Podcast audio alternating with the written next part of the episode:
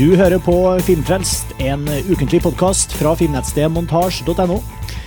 Du kan abonnere på Filmfrelst i iTunes, og du kan finne mer info og diskutere både denne og eldre episoder på montasj.no filmfrelst. Filmfrelst distribueres nå også i samarbeid med Dagbladet, så det er godt mulig at du hører på nå via Dagbladets filmnettsider på db.no slash film. Jeg heter Martin Sivertsen, og i dag skal vi prate om vampyrfilm. My name is Martin. I'm 84 years old. People think I'm crazy when I tell them how old I am. I'd like to be normal. I just have a sickness. The only way I can survive is by drinking blood.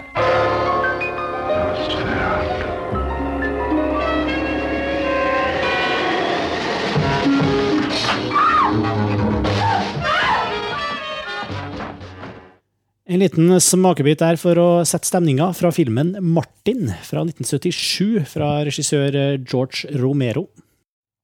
Vampyrer er i skuddet for tida, med TV-serier som True Blood og Vampire Diaries og publikumssuksessen Twilight på kino. Og nå er straks duka for to nye kinopremierer. Sørkoreanske Thirst skal på kino, fra Chan-wook Park, mannen bak bl.a. Oldboy og Hevden-trilogien. Og den amerikanske sci-fi-vampyrthrilleren Daybreakers, med bl.a. Ethan Hawke, Willem Defoe og Sam Neill i hovedrollene. Med meg for å sette tennene i vampyrsjangeren på film, har jeg montasjeskribent Kari Finstad. Kari, du du er, også her, som du skriver i profilen din på montasje. Du, du, skal skrive om det mørke, det bisarre og det forskrudde, og har da formodentlig sett mye vampyrfilm også opp gjennom tidene? Ja, jeg har sett en del vampyrfilmer opp gjennom tida. Alltid vært fascinert av vampyrer. Og det som er litt på den mørke sida rent estetisk eller tematisk. Det betyr ikke at det trenger å være masse blod og gørr og skummelt i skogen, men, men, jeg er veldig glad i fantasi og eventyr og, og det som er litt snodig. Og så har vi også med oss Kjell Runar Jensen fra NFI. Hallo, Kjell Runar. Hei. Hei, hei. Du jobber bl.a. med å sette opp program på Cinemateket, vet jeg? Og... Ja da, det er Cinemateket jeg stort sett uh, jobber med her, da. Og du er opptatt av horror? Ja, jeg er nå gammel horrorfan, og uh, spesielt kanskje svak for uh, vampyrsida av horrorfilmen. Har det blitt satt opp uforholdsmessig mye vampyrfilm på Cinemateket? Ikke det siste. Vi burde jo egentlig ha gjort det nå, i og med at det jo virker som det er en liten bølge ute i samfunnet uh, igjen. Smi, smi, mens blodet er varmt? Ja, vi hadde en, en, større presentasjon for et par år siden der vi kjørte noe sånt som 20 av de mest klassiske vampyrfilmene. Nettopp. Og sist, men ikke minst, Arnfinn Pettersen. Humanist, skeptiker, forfatter og, og vampyrolog. Hallo? Takk. Ja, det er meg. Er det, en, det er vel ikke en beskytta tittel, kanskje, men du er, du, du er, det eneste navnet som dukker opp når man skriver inn vampyrolog i Google? Ja, jeg har funnet på den sjøl, så, så, sånn sett så er kanskje ikke det så veldig merkelig. Men, men, jeg har sagt, sagt meg villig til å dele den mot de som, med de som måtte føle seg kvalifisert. Jeg er folklorist først og fremst, det er det som er det faglige bak det som er. Ja, Men du har også skrevet en bok, blant annet? Skrevet en bok som heter uh, 'Vampyr blodsugende lik litteratur og tradisjon'. Mm. Som kom for noen år siden, og som er kommet i nyutgave nå i forbindelse med denne vampyrbølgen som vi alle er opptatt av her. På Humanist forlag. altså du er også involvert i, i er det skepsis.no. Ja. Hvordan er Det er en sånn pussig konstellasjon. Hvordan kommer denne vampyrfascinasjonen fra? og Hvordan er det liksom forenlig med skeptisismen og, og, og humanismen? Hvor, hvor liksom Nei, altså det, det, er noe, det er ikke noe vanskelig at noen er fascinert av et, av et fiktivt fenomen. altså Vampyren eksisterer ikke andre steder enn i våre hoder, men der lever den til gjengjeld i, i høyeste grad. Så, så, det er ikke noe uforenlig på noen måte. Men, men, når jeg nærmer meg vampyren, så er det jo ikke så mye som skeptiker som det er som folklorist, for det første. Altså at jeg har en, en faglig bakgrunn som å drive med dette med, altså med studier av naturlige vesener. Og som horrorfan av den kanskje mer da klassiske viktorianske typen.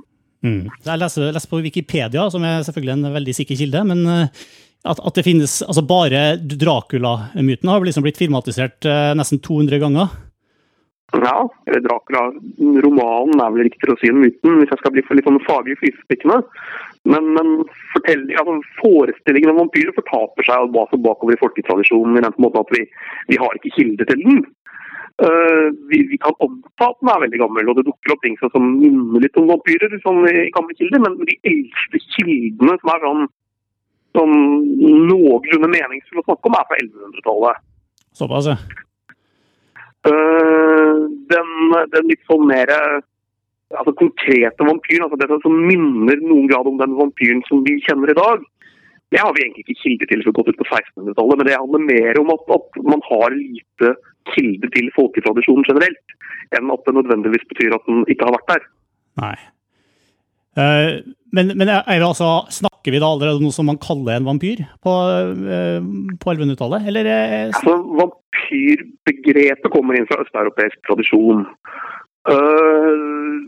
de eldre kildene vi har, er ikke fra Øst-Europa, de, er fra, fra Storbritannia bl.a. det som er viktig å huske der, er at vampyren er jo egentlig bare et veldig farlig spøkelse i tradisjonsmaterialet.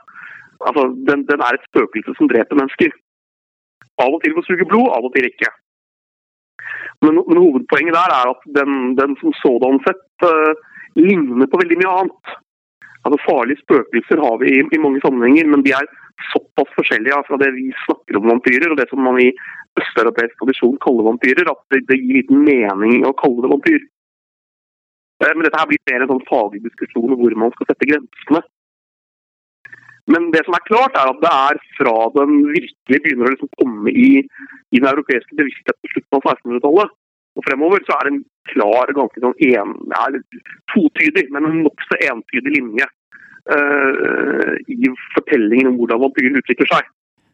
Men, men altså, det, det, er jo åpenbart, da, altså med den her eldgamle si, mutanten av, av et farlig spøkelse, likevel så har så har det også dukka opp en eller annen konkret vampyr som, eh, som er denne Dracula-figuren, som igjen da, ifølge Wikipedia er filmhistoriens mest brukte fiksjonsfigur. Ja, det er diskusjon om det er Dracula eller om det er Sherlock Holmes. Uh, har jeg sett noen tall på det. Det er liksom, veldig alt etter hvordan du teller. Uh, men hovedpoenget der er at, at Dracula dukker opp med Bram Stokers roman i 1897. Før det så er det en Altså, den er bare en videreforvidling av den vampyren som dukker opp med John Polidoris eh, novelle 'The Vampire', som publiseres i 1819, og som er på det som introduserer denne moderne vampyrskikkelsen vi kjenner. At denne elegante, kappekledde, dekadente adelsmannen som forderver unge piker og koster dem deres liv og frelse. Men nå, nå, så jeg jo nylig altså, øh, jeg så nylig Nosferatu, som er en filmatisering av den romanen.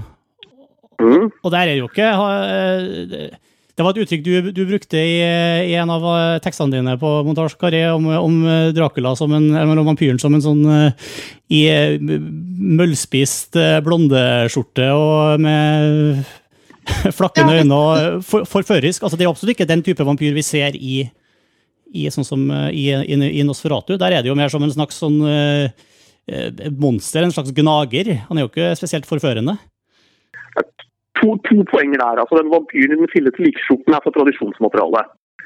Altså, der er, er, eh, vampyren et spøkelse som kommer opp av graven, og den har på seg det den ganske enkelt ble begravd i en hvit likskjorte. Uh, men Nosferatu er, er, er, for så vidt en filmatisering av Dracula. Men det viktige der er at de har gjort en rekke endringer som gjør den helt annerledes fra så godt som alle andre Dracula-filmatiseringer. Og, og, som også gjør den veldig forskjellig fra boken. Altså, Vampyren i Nosferatu er en mye mye mørkere og mer monsteraktig figur enn det Stokers Dracula er. Stokers Dracula minner mye mer om, om Lugosi eller Christopher Lee eller noen av de, de du ser i, i tidligere seinere vampyrfilmer. Bortsett fra at den er ikke, den ikke, den er ikke så attraktiv som en sånn Lee og Lugosi-vampyren er, men, men, i hovedsak så minner den mye mer om det. Altså, det er den velkledde adelsmannen om enn med litt sånn røde øyne og blek hud og dårlig ånde. Mens, mens monsteret akkurat i Nosferatu er eh, som du sier, sånn gnageraktig, med rottetenner og skiller seg veldig ut. Og det dreier seg nok et visst Ja. Ja, jeg bare synes Han skiller seg jo også ut um, ja, Han skiller seg ut med å være litt rotteaktig og litt gnageraktig, men han er jo også på en måte litt stakkarslig, føler jeg da. Han er et vandrende lik? Ja, jeg får jo en slags medfølelse med denne litt stakkarslige rotta som, som, eh, egentlig bare har lyst til å gjøre det som er helt naturlig for ham. Men altså, akkurat med Nosferatu så bryter de jo en del av uh, for fordi at den er jo laga under uh, den tyske ekspresjonismen. Sånn at, uh, at vampyren ikke kaster skygge, at vampyren ikke vises i speil. og sånt, Det kan jo ikke brukes der, for at det er jo hele virkemidlene til ekspresjonismen. Uh, sånn at uh, Derfor er det med i den filmen og gir den en helt annen uh, visuell kvalitet enn de fleste vampyrfilmer. Hva, hva, hva, mente du nå med at det med at det ikke vises i spill, at det det er jo en del av vampyrmytologien. Mm. I hvert fall i de fleste filmer og, bøker som jeg har lest. Men akkurat Nosferatu vises jo i speil, og, og kaster også skygge. Mm. Og det er Det har med liksom hvordan fremstille stemning på film. Og det, vi gjør det enklest med å bruke de her virkemidlene. Mm. Nå, for jeg, jeg, jeg, prøvde liksom å komme meg fram til hva var det som var den første eh, virkelige ja, store vampyrfilmen. Og det, det, jeg så jo at det har kommet filmer før Nosferatu, som, uh, men, uh, men, det var liksom den virkelige som virkelig fenga publikum i, i, stor skala. Stemmer det, Kjell Runar? I 1922? Ja, altså det gjør jo det, men, men det er en, blant annet en tsjekkisk filmatisering som er Dracula Halal fra før Nosferatu, men den er jo tapt. Så det er jo ingen som helt vet hvordan den var lenger. Eh, det er vel også en ungarsk, hvis jeg husker feil. At det var? Det er vel også en ungarsk filmatisering fra før Nosferatu, hvis jeg ikke husker helt feil. Ja da, og, eh, og det finnes jo veldig mange filmatiseringer fra, fra 10-tallet som har vamp og vampyr i tittelen. Men som regel dreier det seg jo om uh, vamp i forbindelse altså i meninga av den forførende kvinnen eh, heller enn vampyren. Mm. Den forførende kvinnen? Altså ja, altså På titallet så hadde du vampeskikkelsen. De kalte det mm. vampyr, den her forførende kvinne, forderva kvinneskikkelsen, som ofte opptrer i film. Men, eh, og mange har jo, av de filmene har jo vampyr i tittelen, uten at det dermed er ordentlige vampyrfilmer. Det er, men det, det, må jo da sies at det er jo også en det er på en måte den andre sånn subsjangeren innenfor vampyrlitteraturen. Som også strekker seg antagelig helt tilbake til 1750-tallet. Med, med denne kvinnelige vampyrer som ikke nødvendigvis er blodsugere, men som suger livskraften ut av sine elskere. Ja, du har uh, Sheridan Le Fanu sin eh, Carmilla, kanskje som den mest ja, eksempelet på det. Ja, kanskje det mest beste eksempelet på det er Christabel Coleridge fra 1790-tallet. Som er langt om forsøksvis historisk middelalderepos, eller sånn i den stilen. Eh, hvor, eh, hvor, du har et veldig tydelig sånn figur. Uh, som i Camilla, et, et lesbisk par, da, eller et par som i hvert fall kvinnelig par som har seg med hverandre. Og hvor vampyren er den som suger livskraft ut av dette her. Står opp om morgenen og ser mye friskere ut enn når hun la seg om kvelden, mens en stakkars menneske da føler seg et vask og blek og sånn. Og Det er den samme som, du, som også figurer som dukker opp i, i Munchs vampyr, f.eks. Og som også minner mye om sånn Strindbergs veldig, veldig misogyne portretter av, av kvinnen, kvinnen som fratok kunstneren hans livskraft og styrke.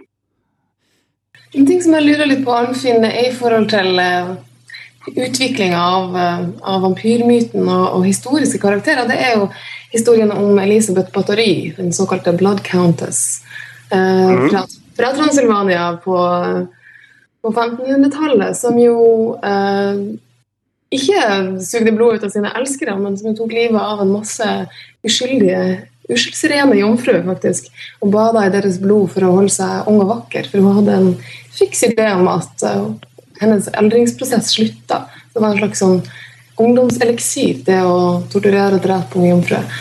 Um, jeg vet at det er ganske mange som altså at de ledde strides om hvorvidt det her har vært med på å inspirere til uh, Bram Stokers Dracula, f.eks. Eller, uh, eller om det er helt separat. Men det er jo en del likheter. Jeg vil, jeg, jeg vil, gå lenger enn å se på helt separat. Det er, det er, det er en direkte og moderne, konstruert moderne myte fra 1970-tallet. Det finnes visst noen rettsdokumenter i nasjonalarkivene i Ungarn? Ja, altså det finnes jo rettsdokumenter der, men det er jo ingen som har sett på de på 400 år. Altså, problemet med batteri, problemet med Vlad Peters, problemet med Gilles Ré, som er den sånn tredje altså dras inn som historiske forbilder. Og som Gilles er altså den eneste med, med, med, sikkerhet kan si var en slags blodsuger. da. Det er at De folka som skapte moderne vampyrlitteratur, kjente ikke til dem. Ja, Det var det som på en måte slå, har slått meg tidligere som en sånn åpenbar ting. Hvordan, hvordan vet de om det her? De som har skrevet vampyrlitteraturen min. Ja, altså vi, kan, vi kan se, Da må du gå, gå fra person til person. I Stokers tilfelle så gjorde han eksepsjonelt grundige notater på alt han brukte når han skrev Dracula. Uh, altså ned til liksom sånn, hvilke boksider han tok ting fra. og liksom, Han følte et veldig veldig sånn, klart arkiv på det. Og det har vi. Og det har man studert grundig. Så man kan si det er veldig stor grad av presisjon, i den grad man kan si noe som helst, da, selvfølgelig. Hva Stoker visste og ikke, eller hva det er grunn til å tro at Stoker visste. På samme måte kan man påpeke det enkle faktum at disse figurene var ikke omtalt i litteratur som det er noen grunn til å tro at de hadde tilgang på i samtiden. Så at Vi kan selvfølgelig ikke med 100 sikkert gå inn i noens hoder, men vi kan si at det er svært svært lite sannsynlig at de kjente til disse tingene. Vi vet f.eks. hva som var Stokers kilder til Blood Tepers Og på den måten skal vi se på hva de kildene sier og ikke sier om Tepers-figuren. Og På den måten kan vi, med, kan vi si noe med stor grad av presisjon om hva Stoker visste og ikke visste om de figurene han eh, brukte eller ikke brukte som forbilder. Men, men også uh, utover å ha, uh, ha, eller ikke ha opprinnelse i faktiske historiske figurer og, og, og hendelser, mm. så er det jo også en, altså, en, sånn, en, sånn, en sånn tematisk dimensjon. Altså, du, du, var jo inne på det tidligere, Arnfinn, at at det her er på en måte en forskjellige varianter av, av det skumle spøkelset. Og det, det, det vandrende like. Og så beveger vi oss over i, hvis vi går over fra liksom, litteraturen og mer over til, til film, filmsjangeren også. Og vi skjønner jo veldig klart hvordan en del av de her konvensjonene kommer inn med, med at du sier altså, de har blek i huden og, og dårlig ånde, og det, for det, det, er jo lik. Men hvor kommer den erotiske dimensjonen inn her? Hva, hvor, hvorfor er det en så viktig del av, av mytosen her, eh, både i litteraturen og i filmen? Mm. Den erotiske dimensjonen ligger jo bl.a. i denne Demon Lover-tradisjonen som vi snakket om i sted. altså denne Forestillingen om disse primært kvinnelige elskerne som, som suger livskraften ut av sine menn. Uh, den dukker opp uh, altså, Som en slags unnskyldning for, for, for, ting som går galt med, med det mennene gjør? Ja, men er, altså, Man kan føre den tilbake til en, novelle av Pitt som antagelig er skrevet på 1750-tallet. Det er det første eksempelet som konkret på det. Men altså, Det vi må huske på her, er jo at, at den moderne vampyrlitteraturen, i med veldig mye av altså, skrekklitteraturen i, i, sin samtid og før det, altså den klassiske goth-litteraturen fra 1700-tallet, det er jo liksom pulp fiction. ikke sant? Det er ting som er skrevet som billig underholdning for uh, de lesende masser. Altså, det var noen masser som leste. Uh, og det er jo altså, Det er ikke noen grunn til å tro at de skulle spille på de billigste triksene, de også, sånn som vi populærlitteraturen gjør i vår samtid. Mm. Uh, så det, det, det erotiske dras inn i større eller mindre grad, sier vel ikke altså, Det er jo ikke noe vanskeligere enn at folk var opptatt av sex den gangen også. Sex og blod er jo alltid slagere i. Jeg synes det er et poeng også at, eh, og det synes jeg som, som kvinne, da, at uh, vampyren, uh, skikkelsen vampyren er jo godt egnet til, uh, til, litt erotikk. Det er jo sånn som det har utvikla seg hvert fall til å bli da, en, en, blek og en slags uh, forfina utgave av mennesket. Um, som er sterk, som er udødelig, men som også er dyrisk og farlig. Og det er klart at det, det er en del av meg som faller for. Ja, og, og, så er det jo det som du sier, sterk, altså det er jo masse, masse uh, superkrefter og svakheter knytta til i hvert fall den populære kulturelle mm. vampyren. Hvor, altså hvor kommer alle de altså er det, er det på en måte full kunstnerisk frihet i å si, plutselig si at uh, her har jeg en vampyr som eksploderer hvis den kommer ut i sola, mens uh, Eller her har jeg en vampyr som ikke tåler hvitløk. liksom, hvor, hvor er det bare sånne ting som du, som du sier, Arnfinn, som bare dukker opp fordi folk bestemmer seg for at det gir, ekstra, gir meg en ekstra dramatisk eh, hook å, å, lage, og spinne historien rundt? Nei, er, Da må du nesten ta det trekk for trekk. Altså, ikke tåle hvitløk er et klassisk eh, element fra tradisjonsmaterialet. Altså, det er et veldig, veldig typisk trekk at, at overnaturlige vesen ikke tåler hvitløk. På samme måte at de ikke tåler stål og sølv. Er sånne ting man kjenner fra, fra tradisjonen. Uh, staken man bruker på vampyren, altså en typisk tradisjonsting. Mens det at vampyren ikke tåler solskinn, er en veldig ny ting. Det, er, det dukker første gang opp i, eh, i uh, Nosferatu. Mm. Før det tåler vi altså, Vampyren er ikke like mektig, og sånn, men den tåler til en sol. Altså. Dracula går rundt i London midt på dagen. Han har det helt greit. Så der er Twilight på kornet? Ja, eller der, blir han jo litt sånn, Han blir jo litt shiny da, når det er sol. Han tåler jo, men det er jo åpenbart Han ser jo litt funny ut når han kommer ut i solskinn. Og dermed så kan jo det være ganske farlig i forhold til det å, å avsløre eh, seg sjøl som vampyr. Men, men, så har du sånne litt mer sånn ekstreme altså Kanskje den aller mest øh, prominente trekket ved vampyrene er jo at den er udødelig. Eller i hvert fall øh, mer eller mindre I hvert fall ikke offer potensialet da, for, for, for, evig liv. Og, det, og der har du en veldig sånn Som ofte brukes, i hvert fall i de vampyrfilmene jeg har sett, sånn som, til å gi en slags sånn Til å problematisere det veldig ved at uh, historien handler veldig mye om hvor uh, hvilken plage det er for uh, Altså hvilken forbannelse det egentlig er å, å leve lenge. da klassisk problemstilling her, altså hvordan livet ikke gis mening hvis man ikke har døden som er overhengende, eller har, har, noe, har, du noe å si om det, Arnfinn? Ja, altså, som opphavet er det ikke vanskelig at, at dette skyldes at vampyren er et spøkelse igjen. Den er en slags sånn mellomtilstand mellom liv og død. Uh, og Det er det som gjør, gjør den på en måte udødelig. Uh, men uh, det er klart det, det gir en opplagt mulighet til å, å fundere rundt det med, med livet og døden og dødens betydning og mening og sånn. og det, det, er noe av det interessante med sånne figurer som, som vampyren. At de, de, kommer fra en bakgrunn, og så blir de brukt til andre ting som, som henger sammen med de tingene som, eh, liksom, som, som konstituerer den i utgangspunktet. Nok en gang sånn i forhold til uh, erotikk, men egentlig mer i forhold til kjærlighetshistorien, som da har blitt veldig populær i det siste, i forhold til vampyren, um, så er det jo det aspektet ved at uh, du har en dødelig skikkelse og en og et dødelig menneske, som jo da er selvfølgelig en ganske kinkig situasjon. Det, har jo da, det er jo på en måte hele opphavet til, til konflikten i Twilight, f.eks. Det sier seg jo sjøl at det setter ting som alderdom og død i perspektiv. Det å, å, skulle elske noen som fortsatt uh, holder seg like ung, men som sjøl eh, forvitrer og dør, er jo en situasjon som de fleste vil synes eh, vil være litt vanskelig å takle.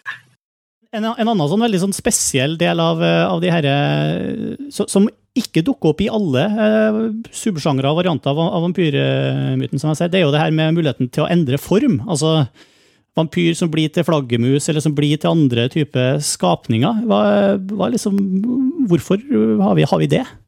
Det er en shapeshift-tradisjon, som altså er eh, kanskje henger mer sammen med den klassiske vårtradisjonen enn vampyren som sådan. Uh, og Der er noe av problemet at i, i, det klassiske tradisjonsmaterialet, i f.eks. land som Romania, så er det nesten umulig å skille vampyrer og varulver fra hverandre. Mm. Det er de, ikke, ikke, fordi de er to ting som flyter over i hverandre, men ganske for at i tradisjonen så er det ikke noe skarpt skille mellom figurene. De er liksom bare monstre, monstre, eller beistet? Ja, det, det, er på utsiden av vår virkelighet. og Så kan man sette sammen monsteret sitt av et sett med kriterier man velger fra en større kulturell bag. ikke sant? Og av og til så er de shapeshifters, og av og til er de ikke, f.eks. Og, men, men det, er jo, det er også en måte å si at dette her er noe overnaturlig på. Dette er en måte noe helt annerledes enn oss på. Som, uh, som, fungerer veldig godt på film. Altså, det er noe av det som faktisk fungerer i, i en film jeg ellers liker å utstå, som Koppens Dracula. Det er nettopp i de som shapeshifter-scenene hvor, hvor Dracula plutselig sånn, blir, til, blir til en masse rotter og sånn. Mm. Fordi at det visuelt er spe spektakulært? ja. Mm. Også, jeg syns også det, det, er interessant fordi det på en måte forsterker dyriskheten um, til vampyren. Um, når man ser en vampyr går rundt som en menneskeskikkelse, så føler man seg nært beslekta. Man, altså, øh, føler at øh, vampyren ikke er så ulik mennesket, men idet den blir til masse rotter, ja, eller tar en helt annen form, så, så blir det mye klarere at det er snakk om et monster, om noe overnaturlig. Eh, flere av, flere av de beste vampyrfilmene så er det jo, så er det jo ikke shapeshifter. Uh, ja. I Hammer sin Dracula fra 1958.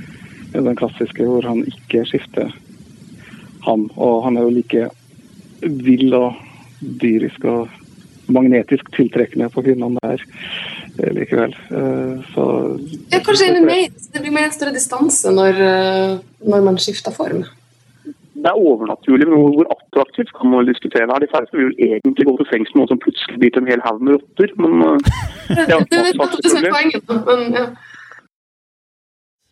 Men det er jo andre enn rotter er jo Men du har jo også altså, flaggermuser og varulver og Eh, du sier at de historiene er egentlig uatskillelige, mens sånn som vi ser jo ofte at eh, vampyrer og varulver blir jo satt i veldig sånn sterk motsetning til hverandre. Som, som slags sånn kjempende faksjoner i denne eh, overnaturlige verdenen. Ja, Det er jo sånn rent, rent teit moderne fiksjonsfenomen. ikke sant? Det fungerer bra når du har laget vampyrfilm en stund og varulvfilm en stund. Så er det en ganske nærliggende idé å lage en vampyr- og varulvfilm. Mm. Altså det, det er så, hvor, hvor, mange ting kan man klare å gjøre når man skal turnere disse ulike figurene på små budsjetter for å komme opp med stadig nye rare ideer? Det var det som var litt eh, problemet til Universal etter de hadde kjørt eh, alle de her monstrene på, på 30-tallet. Mumien og Varulven og Dracula og alle. At de etter hvert begynte å sette dem sammen i mer og mer si, lattervekkende sammenstillinger. Og de tok jo effektivt uh, livet av skrekkfilmen på den måten. Så det måtte jo noen utenfra, fra, fra England, for å gjenopplive den. Ja, for Vi er litt på liksom superhelt-TN-seriesyndromet her, hvor du stadig må finne opp nye opphavshistorier og nye superkrefter og nye måter å, å, å skape nye figurer på. Nye, nye, ja, og ja. sette sammen nye, nye konstellasjoner. Som, uh, etter hvert blir så konstruert at den blir bare morsom, ikke, ikke skremmende. Mm. Og så er det sånne ting som forsterka sanser og, og tankelesing. Og, en del sånn overmenneskelig styrke. og Jeg skjønner at de er veldig vise hvis de har levd veldig lenge og har anledning til å sette seg inn i mye kultur, men, eh, men, men det er jo også sånn superheltegenskaper. Er det også del av eh, den urgamle eh, vampyren fra, fra, som, som det ana tilbake til, til 1100-tallet? Ikke akkurat de trekkene du, du trekker opp der, tror jeg. Det er altså ikke noe sånt som er sånn spesielt utprega, men det er jo alle samme ting som igjen sier at dette er noe annet enn oss. Da.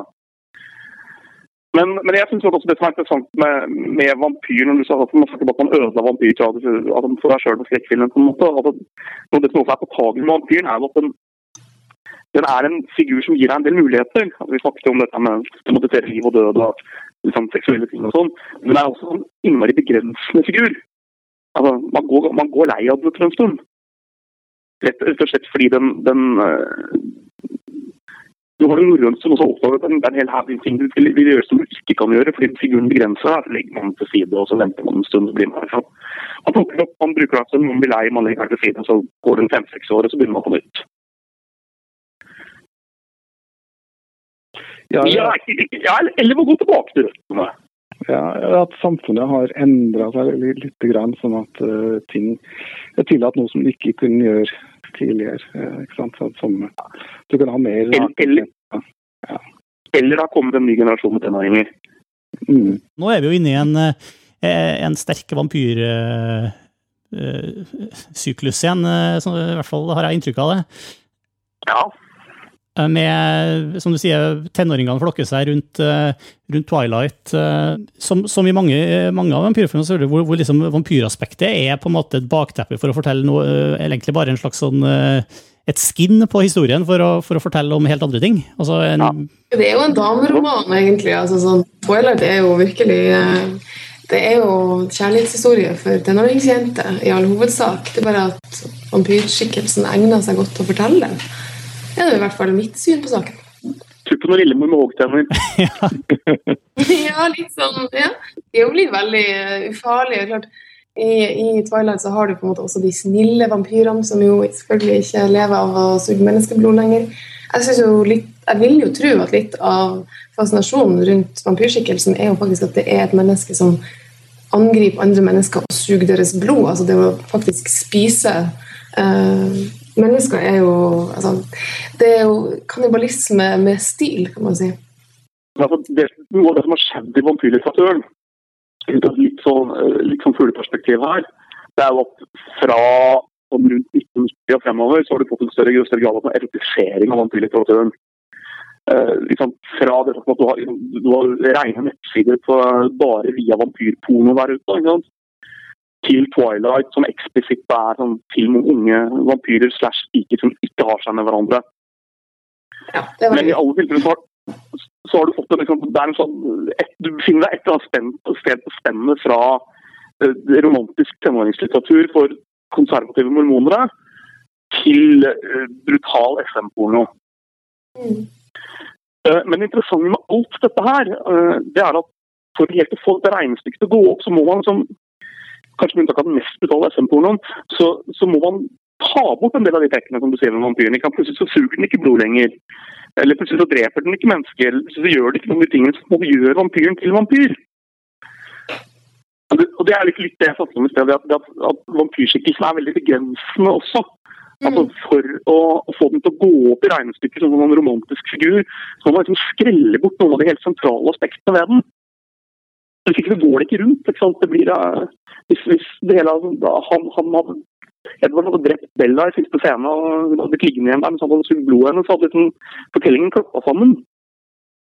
Nei, samtidig så er jo litt av uh, det som, som, som, er med på å drive de her historiene, det er jo det måte spenningspunktet mellom instinktet og, og det å være uh, kultivert. Um, mm. vampyr, altså, du har jo stadig vekk scener i altså, Du har jo samme problematikken i True Blood, eller, altså, der man har um, vampyrer og mennesker som skal leve i sameksistens. Og der det fortsatt er selvfølgelig grupperinger som, som ønsker å, være uh, ville vampyrer eller uh, leve etter sine instinkter og angripe mennesker. Og også det at de her instinktene er til stede, og at det gjør det vanskeligere å være en kultivert vampyr. Det gjør det nesten utrolig. Da kan jeg gjøre det forferdelig. Det er jo så skjult for dem, vet du. Ja. Det, er det er, altså, er det noen ny trend i vampyrlitteratur nå, så er det at det er synd på vampyren. Ja, de har jo gått fra å, bli, fra hver monsteret til å bli hovedpersonen. Altså til å bli helten. Ja, altså, det er hovedpersonen, men de er ikke offer, ikke sant. Mm. Så I True Blood, hvor de har vært utsatt for den fæle rasismen og eh, eh, i Twilight de sliter så hardt med å klare å være snille og gode. ikke sant? Det er litt sånn litt som den, denne mormoneren bak dem antagelig sliter med å holde instinktene sine i, i sjakk på sånn måte. Mm. Så plutselig skal vi sitte og være sånn synd på disse blodsugerne. Jeg syns det er en fryktelig trist utvikling. Altså. Men du, De vil drepe oss og suge blodet vårt. Hvis, hvis, vi ser på den neste, som jeg vet flere av oss det er Du er eneste som ikke har sett First, Kjell Runar. Det er altså den neste mm. filmen som kommer på norske kinoer, som er, mm. så vidt jeg vet, neste vampyrfilmen, som kommer i, i februar. Uh, der skjer jo nettopp på mange måter det som uh, Altså det som ikke skjer i, i, Twilight. Altså, fortellingen klapper sammen i, i blod og, og, og gørr og fordervelse. Mm. Mye av, av, det som skjer der, er jo nettopp fundert på at man tar konsekvensene av, av liksom, vampyren til, til, det fulleste, og, og, det, det, det, klapper sammen. Eh, hva var din take på den, den filmen, Kari? Ja, jeg synes det var, det var, interessant å se en litt, eh, litt annen variant, særlig nå siden da, som man kan si at vampyren har blitt så snill og har blitt et offer. Her er jo fortsatt eh, kan man si, det er jo en uforskyldt vampyr, hovedpersonen. Men det blir jo usedvanlig mye bråk. Han prøver å være snill, men det blir jo ganske mye bråk ut av det når, eh, når han blir dama si. Um, og jeg syns jo det jeg synes det er gøy å se at man på en måte løser seg litt fra myten. da. Synes jeg, jeg synes det er veldig greit å, å se at folk utforsker en karakter, og, og, faktisk at de tillater seg å forandre både på hvordan en vampyr blir til, og hvilke egenskaper den har, for å fortelle eh, god historie, eller ja. Jeg syns jo Thirst var veldig underholdende, selv om jeg, det er en veldig lang film. Det er det som jeg var enig med en del folk i at kan være litt litt slitsomt. Det er mye blod og gørr, men det kan kanskje bli litt mye av det gode. Jeg synes også den var veldig, den går i så mange forskjellige retninger. Altså Alt fra rent gørr og, og til et familiedrama til humor. Altså det, er jo nest, det er jo på mange måter også en komedie. Og den er veldig sånn schizofren i stilen. Um, mm. Men uh, Arnfinn, du var mindre begeistra for den filmen her, eller tar jeg feil? Jeg husker å ha lest en uh, anmeldelse du skrev. Ja og nei. nei? Altså, jeg syns ikke det er så veldig bra som film. Uh, litt fordi jeg syns den spriker litt for mye, og litt fordi jeg, syns ikke fortellingen fungerer sånn altfor godt. Men jeg syns det er veldig spennende som idé. Mm. Fordi Det filmen setter opp, er jo nettopp altså, Særlig når, når, hun da endelig blir vampyr. Det tar en evighet, dette her. Det er altfor lang, da. Det er også en svakhet ved den. Uh, når hun endelig blir vampyr, så blir hun de, de blir to veldig veldig forskjellige vampyrer. Altså Han er en etisk og introspektiv vampyr som helst vil være snill mot menneskene og setter opp, sånn, setter opp sin egen sånn business på å drive eutanasi. Han er jo prest. Suger blod ut av, suger blod ut av folk som vil ta livet av seg. Ja. Jeg bare nevner ikke en sånn bisetning, men det er veldig elegant. Mens, mens hun er jo da rablende livsfarlig. ikke sant? Hun er en livsglad vampyr. Hun gjør det Hun dreper mennesker bare fordi det er moro. og har det virkelig sånn the time of her life. Time of her death, alt etter sånn. Men det gjør jo at hun er en umulig figur. Altså, han kan eksistere ved å krype rundt i skyggen og, og suge litt blod her og der og drepe liksom akkurat så mange han må for å overleve og sånn. Minner ganske mye om uh, Eli i, i Land dette kom inn. Mm. Mens hun er, jo, hun er jo hysterisk gal. Hun må jo drepes. ikke sant? Mm. Det, er, sånn, det, er, ingen vei uten at hun må dø. For en livsglad vampyr, det, det går bare ikke. altså. En, livs, en vampyr som lever ut liksom hele sin, alle sine instinkter med full, full trøkk, det, det kan ikke gå bra. En vampyr må, være, må ha, ha, det ille med seg sjøl hvis den skal være til å leve med. Ja, ikke sant. Altså, den, må, den, kan ikke være, det kan ikke være for moro å være vampyr. Fordi Du må i hvert fall holde instinktene dine veldig sjakk, da, igjen, liksom, som man må inne på her i sted også.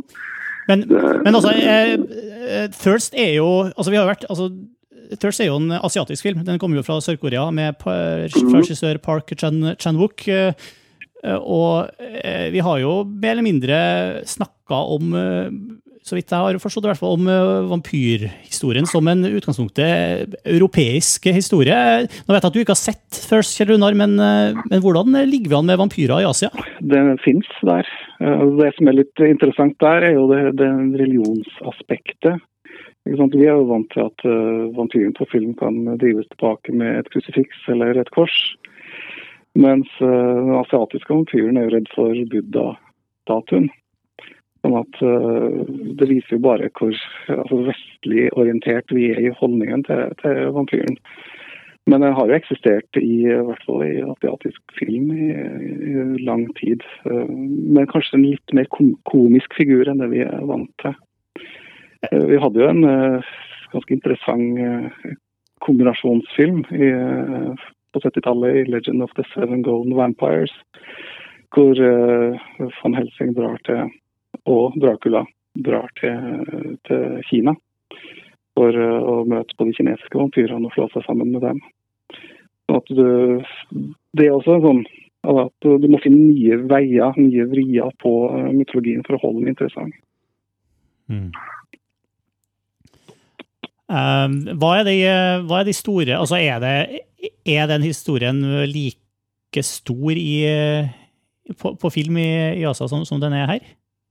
Nei, nei, langt ifra. Men den fins, og den fins helt i uh, hvert fall tilbake til 50-tallet, som jeg har sett. Men jeg tror det er et stykke lenger imellom hver vampyrfilm. Men det er jo den uh, horrortradisjonen i Asia, særlig i uh, Kina, Japan, Sør-Korea, handler mye mer om spøkelseshistorien. Hjemsøking av spøkelser. og de er kanskje ikke like uh, vampyriske eller blodsugende som, som uh, det ville vært naturlig for å fått noe, samme type vampyrtradisjon. Mm.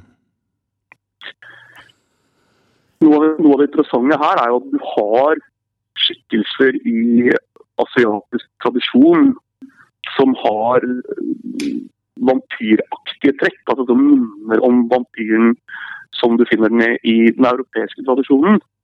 Men når, altså i tilfellet jeg har vært borti, når man eh, har vampyrer på film i asiatisk film, så er det den europeiske tradisjonen man venner seg til. Altså, det er mer inspirert av den klassiske altså, Lugosi-vampyren og de klassiske vampyrfilmene enn det er av den lokale tradisjonen. Men man må jo samtidig i en viss grad altså, man må jo sette det inn i sin kontekst. at Det får jo allikevel noe av den, den påvirkningen fra det kulturelle som ble nevnt her. Det interessante med First er jo da at hovedpersonen er en katolsk prest. Mm. Sånn at, sånn at det, det, vestlige religiøse aspektet er jo allikevel rammen for mye av filmen. Og, og han, det viktige der er å huske på at Sør-Korea er, er, et veldig kristent land. Altså, det landet vel i Asia med, med størst kristen befolkning. Mm. Uh, hvilket gjør det mer, mer nærliggende også å ty til en, en, en ren sånn europeisk ramme rundt det hele. Og, og, hans kvaler er jo typisk kristent uh, begrunnede kvaler også. Uh, og så sånn sett ligger det noe som nærmere europeisk film, eller vestlig film igjen.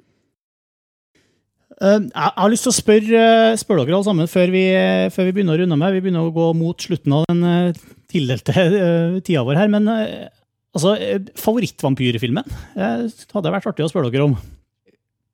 Kjell Runar, opp gjennom tidene, din uh, number one vampyrfilm? Ja, altså det er jo mange som er bra. ikke sant? Nosferatu og nyinnspillingen av den. Men hvis jeg skal nevne bare én, så blir det kanskje 'Vampyr' av uh, Carl Theodor Dreyer. Dansk filmskaper som laga vampyrfilm i Frankrike i 1930. altså Samtidig med, med Todd Browning sin 'Dracula', eh, og som egentlig kom på kino her i Europa før den eh, første Dracula-filmen. Som jo er en, eh, på min del en fantastisk film full av liksom den der stemningen som du er ute etter når det skjer horrorfilm. Altså den der uforklarlige, mystiske, eh, men uendelig vakre stemningene. Så den må nok bli min favoritt. Vampyr, eh, hva heter den på engelsk? Den eh, heter det samme. Vampyr. Vampire. Eller ikke, ikke, med i, men med y. Nettopp. Fra, fra 1930, sier du? Mm. Den, er den tilgjengelig, eller? Ja da, det fins. Et fantastisk kriterium DVD-utgave, f.eks. Den er på kriteriene, det er jo et kvalitetsstempel. Mm. Enn du, Arnfinn? Jeg sliter litt, ja. altså, jeg har liksom delt førsteplass her. Uh, det er lov. Ja, ok. Hvis det er lov, så er det, er det to jeg kan peke seg ut. Det ene er, uh, er den klassiske Nosferatu, Heinz Symphonises Growlens fra 23, var det vel. Som uh, rett og slett er en fantastisk ekspresjonistisk film. Uh, og fordi den gjør ting med vampyren som ikke har vært gjort verken før eller senere. Eh, men, men den, eh, det er den seriøse siden av meg som vil ha den på tolv. Men jeg må vel innrømme at, at sånn popkorn-vampyrelsker-biten av meg er veldig veldig stor fan av, av Schumachers Lost Boys. Ja, som er, ja, som er uh, vampyrfilm på, liksom, på speed med masse dårlig smak og elendig ordspill og råtten humor. Uh, om jeg må velge mellom dem, så, så vinner nok Lost, Lost Boys som et hestehode. Altså. Det tror jeg var den første vampyrfilmen jeg så, faktisk. Jeg så den tre ganger på en uke da den kom. Det er 1987. Jeg hadde vel egentlig ikke lov til å se den engang. Uh, Kari? Ja, jeg har jo også selvfølgelig Jeg syns det er veldig vanskelig å skulle velge én. Um, og jeg er også helt enig når det gjelder Nosferatu. Jeg syns den er bare visuelt nydelig. og men jeg vil jo også oppfordre alle til å ta en titt på låten 'Rette komme inn'. Det er sikkert ikke alle som synes at den er så glitrende, men jeg syns den er en utrolig vakker fortelling som skiller seg ganske kraftig fra de mer eh, Hva skal jeg si uh, Ja, de vampyrfilmene som jo nå uh, florerer, og seriene. Altså skiller den seg ganske kraftig ut, og den har en veldig sånn kjølig og nordisk, skandinavisk eh, følelse som jeg synes faktisk eh, kler vampyrkarakteren veldig godt. da.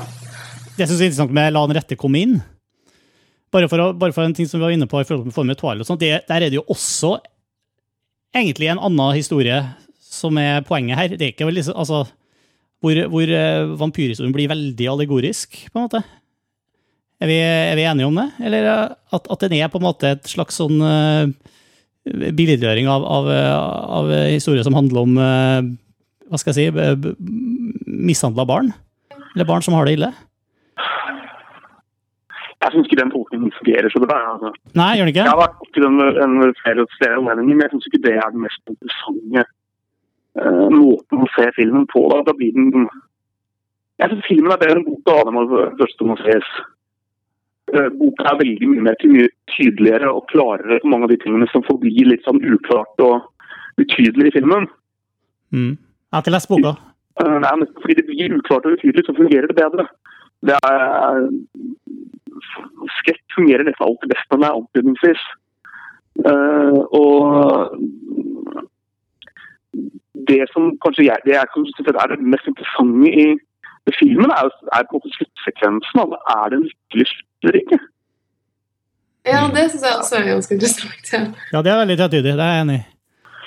Fordi, fordi det er jo sånn, altså, det som sies er at han har nå liksom frigjort seg fra denne undertrykkende lille kjipe spå, eller forstaden og fra forfølgerne og mobberne og alt dette, og er nå liksom endelig blitt en fri ung mann. Men, men hvilken pris er det han betaler for det? Ja, det er jo helt ut på en måte ja, hvilken pris han betaler. Det er jo ikke akkurat et lykkelig liv han går i møte. Nei, altså Det er vel det, det, det som alle vampyrene sliter Altså i hvert fall i mange av de, de, de moderne variantene, nettopp det at du har fått eh, du har fått eh, evig liv og, og superkrefter, men, men har det helt jævlig. Ja, Nå blir det vampyr, ikke sant? Ja, Du, du syns ikke det ligger i kortene at den kanskje blir det? Nei, jeg syns ikke de gjør det. Særlig ikke fordi boken er så tydelig på at han ikke vil det. Men, men jeg syns ikke det er næ- det mest nærliggende måten å forstå det på. i hvert fall. Nei. For Hvis du ser på den forrige kompisen til hun jenta, så er jo han ikke blitt vampyr. Selv om han er en voksen Nei, jeg syns det er et godt poeng. Jeg syns det er interessant at vi får se han og hans elendighet, uh, i motsetning til i en, de mer populistiske variantene der, det liksom, der de sliter med konflikten, men de, man ikke ser endresultatet av å bli den gamle, den som på en måte etter hvert må forkastes. Mm. Det er, det er en, for, for, for, for den store forskjellen på film og bok. I filmen så overlever han angrepet på sykehuset. Og blir en veldig veldig fillete og råtten og veldig brutal og fryktelig fæl vampyr. Eh, mm. Som ikke fungerer. Det, det fungerer ikke noe særlig godt i boka, og det ville vært helt forferdelig elendig på film. Men, uh, Ja. men uh, han, holder, han holder nesten siste side. Vi er nødt til å, å, å legge på noe. Det må du. Eh, Vi har gått om for tid her. Jeg sier takk, for, takk til alle sammen for, for, for, for tida deres og innsikten. Og eh, en interessant prat. Arnfinn Pettersen, Takk for meg. takk. Tusen takk. Du må bare springe. Ha det bra. Og tusen takk til deg, Kjell Runar Jensen. Ja, takk for det. Er det noe spennende å melde fra Cinemateket? Ja, vi skal jo kjøre eh, den her eh, opprinnelige uh, Hammer Dracula-filmen vi da, i eh, slutten av januar. I en En nyrestaurert av dine favoritter, vet jeg. ja, en nyrestaurert Ja. versjon, så det anbefales. Da er Cinemateket i Oslo. Ja, Cinemateket i Oslo. Ja. Supert. Tusen takk for laget, alle sammen. Ja, OK. Hei da. Ja, ok. Ha Ja, bra. Hei så lenge. Bra. Før vi gir oss, må vi eh, selvfølgelig innom Gjett filmen-konkurransen vår her på Filmfrelst. Det funker sånn at eh, vi spiller et eh, lite klipp, og så er det opp til deg å gjette og prøve å identifisere eh, hvilken film det klippet er fra. Forrige episode spilte vi det klippet her. It should have been ginger ale or even beer. I- I've always thought it was uh, out of character for David to drink anything as, as corrupt as whiskey. Out of character for him to be murdered, too. yes, wasn't it? The good Americans usually die young on the on the battlefield, don't they? Well, the Davids of this world merely occupy space, which is why he was the perfect victim for the perfect murder. Og som mange gjetta, så er det her også fra filmen Rope. Alfred Hitchcock, 1948. Vinneren eh, denne gangen her var Espen Nom fra Grimstad. Du får en uh, montasje-T-skjorte. Den er på vei til deg i posten. Den gir sjanse til å vinne i episoden her. Vi skal spille et nytt klipp, så spiss ørene nå og hør om du klarer å kjenne igjen hvilken film det klippet her er fra. Jeg har truffet en annen. En annen hva? En annen kvinne. Hvorfor det?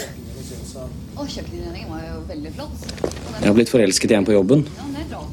Det var ikke noe jeg planla. Jeg trodde vi hadde det fint. Ja, vi hadde det fint, men så forelsket jeg meg. Hvorfor det? Jeg har tenkt å gå fra deg.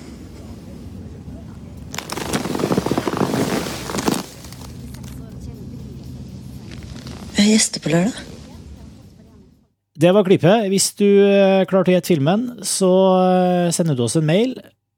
Sett eh, konkurranse filmfrelst 35 i evnefeltet, og send mailen til filmfrelst at montasj.no. Oppgi også adressen din og hva slags størrelse du ønsker deg på montasj-T-skjorta di, om du skulle være så heldig å vinne. Men det var det vi hadde denne episoden av Filmfrelst. Vi høres snart igjen.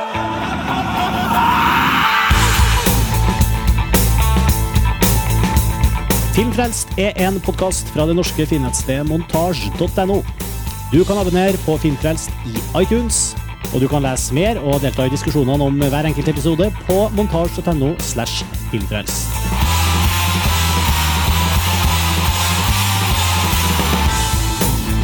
Filmfrelst distribueres nå også i samarbeid med Dagbladet, så du finner oss også på db.no slash film. Og musikken du hører nå, er fra det norske bandet Ping.